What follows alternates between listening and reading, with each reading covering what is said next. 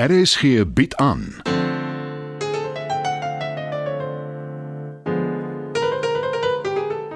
Die Lingervelders deur Marie Snyman.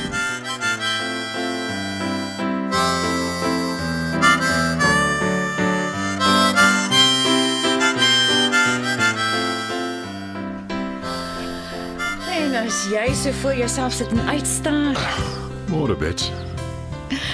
Sit jy en oorweeg of jy moet stokkies draai of nie.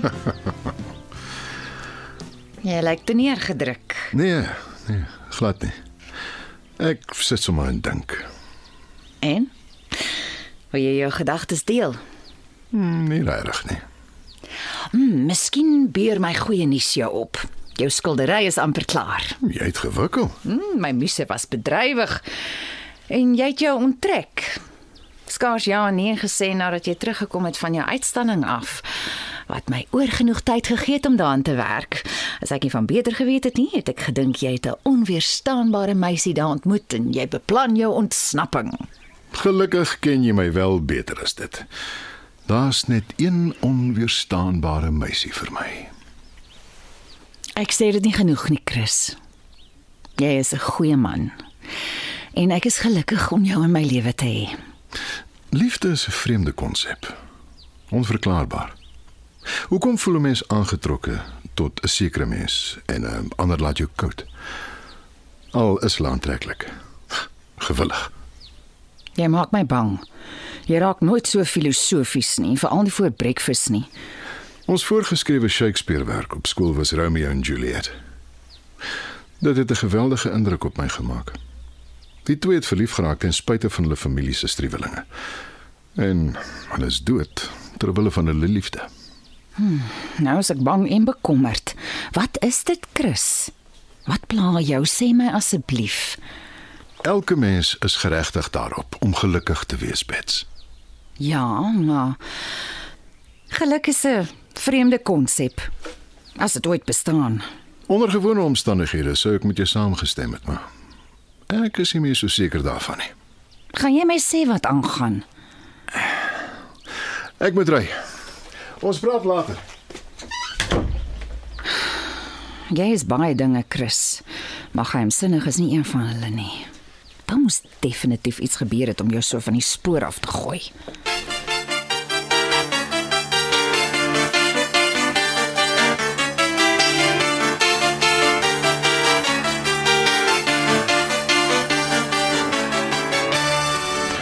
Moet jy vandag terug gaan werk toe? Seker nie, maar ek wil dieter. Ek het Chris so rondgevoed in die tyd wat jy weg was en daar soveel dinge langs aan gebeur het. Ek dink dis net reg. Ek kan verstaan dat jy kwaad was eh, dat ek jou in die steek gelaat het. Ons het daaroor gepraat, dis verby. Eh, Jy het seker gedink ek is eh, betrokke by die genos. Nee, ek het nooit so gedink nie. Ek kan maar eerlik wees. Ek sou Nou goed. Ek het soms getwyfel, maar dan het ek vir myself gesê ek ken jou beter as dit. eh, nou dat ek tyd gehad het om oor alles te dink, ek sou anders opgetree het. Troos jou daaraan. Meeste mense voel so nadat hulle 'n traumatiese ervaring gehad het. Ek sou die situasie op kantoor ook anders hanteer het. Maar wat verby is is verby. Nou kyk ons net vorentoe. Nie links nie, nie regs nie, net vorentoe. My ma het altyd so gesê. Hoekom maak jy nie iets nie, Dieter? Om met jou hande te werk het jou nog altyd in 'n goeie stemming gekry. My kop maal te veel. 'n Kraggereedskap is niemand se speelmaat nie. Dit vat konsentrasie om daarmee te werk. As ek per ongeluk my hand afsny, jaag hy my beslis weg. Praat met iemand oor hoe jy voel, Dieter. Ek het jou klaar alles vertel. Nou moet uh, ek dit net aanvaar. Aanvaarding is een van die heel moeilikste dinge wat daar is. Om wat gebeur het oor en oor in jou kop te herleef gaan niks help nie. Verstaan jy nie Alvera? Dit was klaar moeilik genoeg om aan jou te erken ek was 'n lafaard. Ek wil nie hê die hele wêreld moet dit weet nie. Jy's net 'n lafaard as jy so dink. Niemand anders gaan dit so sien nie. Ja, jy's reg. Ek uh, sal iets maak. Uh, met tandgereedskap. Gaan werk toe. Ek het genoeg moeilikheid vir jou gemaak. Jy weet, ek sou nooit vir Jos Ferreira geval het nie, nê? Nee. Hy's 'n beter vangs as ek. Miskien. Maar hy's vervelig en voorspelbaar. Hy weer uitjie. En wat het ek gedoen om jou te verdien? Ek is nie perfek nie, Dieter, jy ook nie. Maar ons hoort saam en daar gaan nooit weer enige geheime tussen ons wees nie.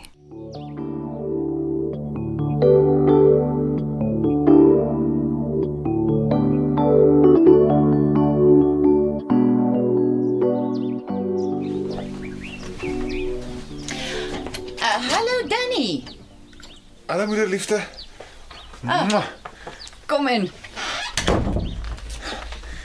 Dis skieurig oor hoekom jy my ontbied het. Oh, nou nie juis ontbied nie. Ek het jou gevra om oor te kom, jou genooi. Want jy wil my iets vra of iets sê of iets wys. Mm, al drie. Lyk my ek het jou reg geleer.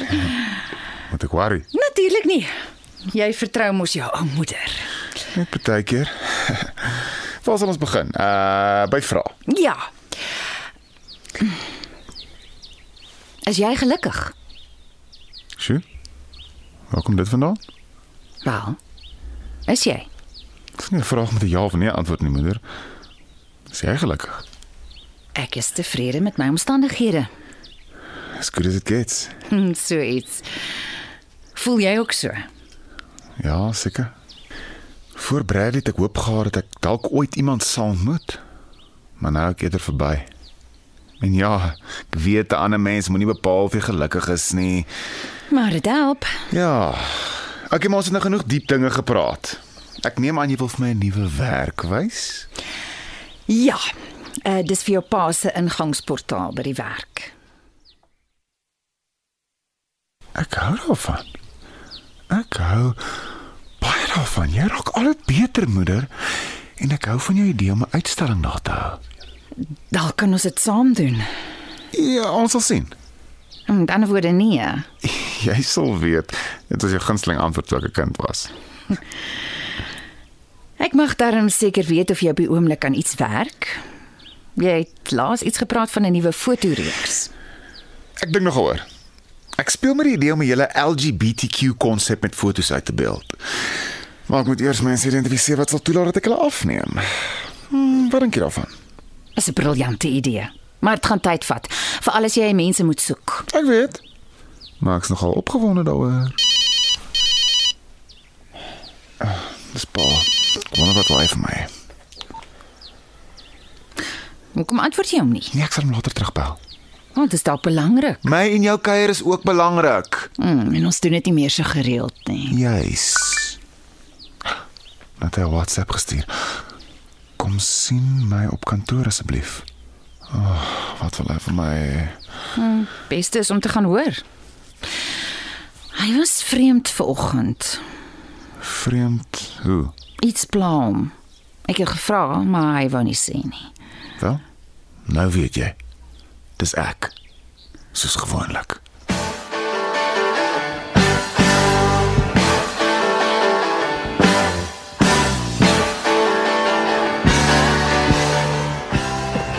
Dit is goed om jou terug op jou pos te sien. Ek is nie iemand wat maklik liries raak nie, maar ek is in ekstase om terug te wees. En Dieter, hoe gaan dit met hom? Op en af. Ek is bekommerd oor hom. Maar ek kan hom nie oppas nie. Ek kan hom ook nie help met sy wrogings nie. Ek is nie opgelei daarvoor nie. Behalwe dit, jy's in die situasie. Dis bykans onmoontlik om dit te hanteer as jy nie 'n buitestander is nie. Ek het hom probeer aanmoedig, maar hy wil met niemand daaroor praat nie. Meer as dit kan ek seker nie doen nie. Ek weet dit klink geëik, maar tyd is al wat sal help. Jy's reg. Dit help met alles. Wel, bykans alles. Jo, jy het heel wat afsprake vir oggend. Kanselleer asseblief alles. Aha, Ek ek bedoel skuif dit. ek maak so. Ek verwag 'n besoeker. Laat hom dadelik inkom asseblief. Kort en kragtig. Ek ken jou Chris baie goed ook. Jy beplan iets.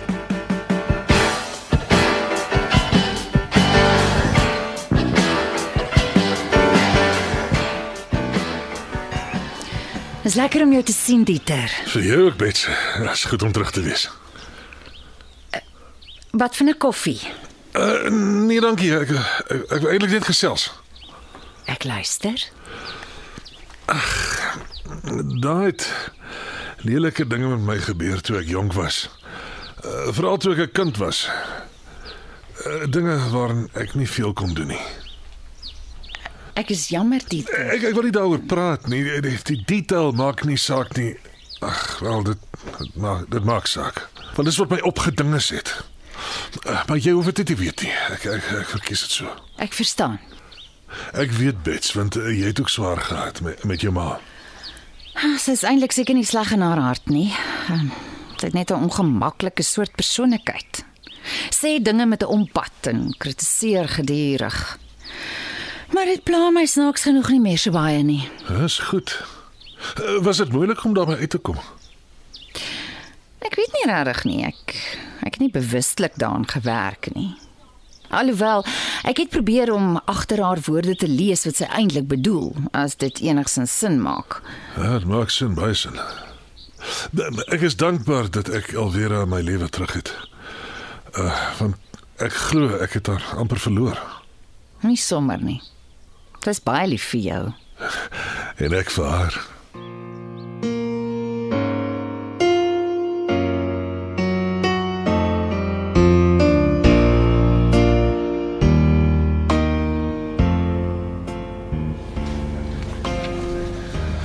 Ja, ek was verbaas jy my vra om jou te kom sien. Wel, dankie dat jy ingestem het. Ja, ek moet sê ek is beïndruk met jou opset boor die gebou en jou. Ja, Ah, moet dit nie verkeerd opneem met Chris, maar ek wil ook eendag so suksesvol wees. Ek weet jy het alles gekry deur harde werk. ja, soms ongelukkig ten koste van my gesin. Nee, wat?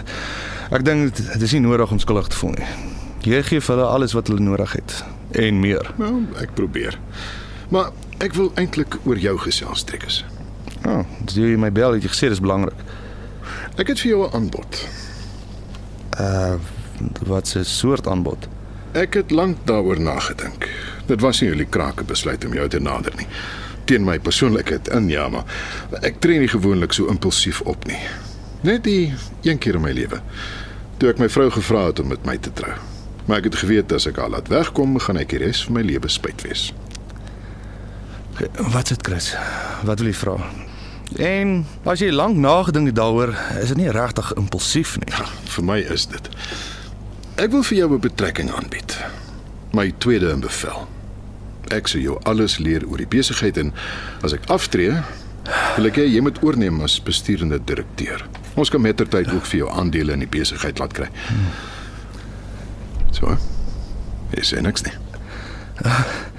Ah, so ek is stom geslaan. Uh, nie eers in my wildste drome het ek dit verwag nie. Maar uh mag ek vra hoekom? Jy boesem vertroue in.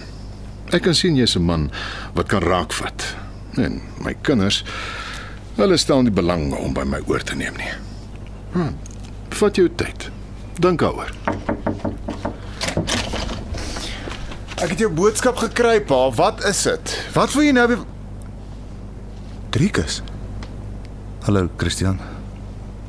Danny. My seun se naam is Danny.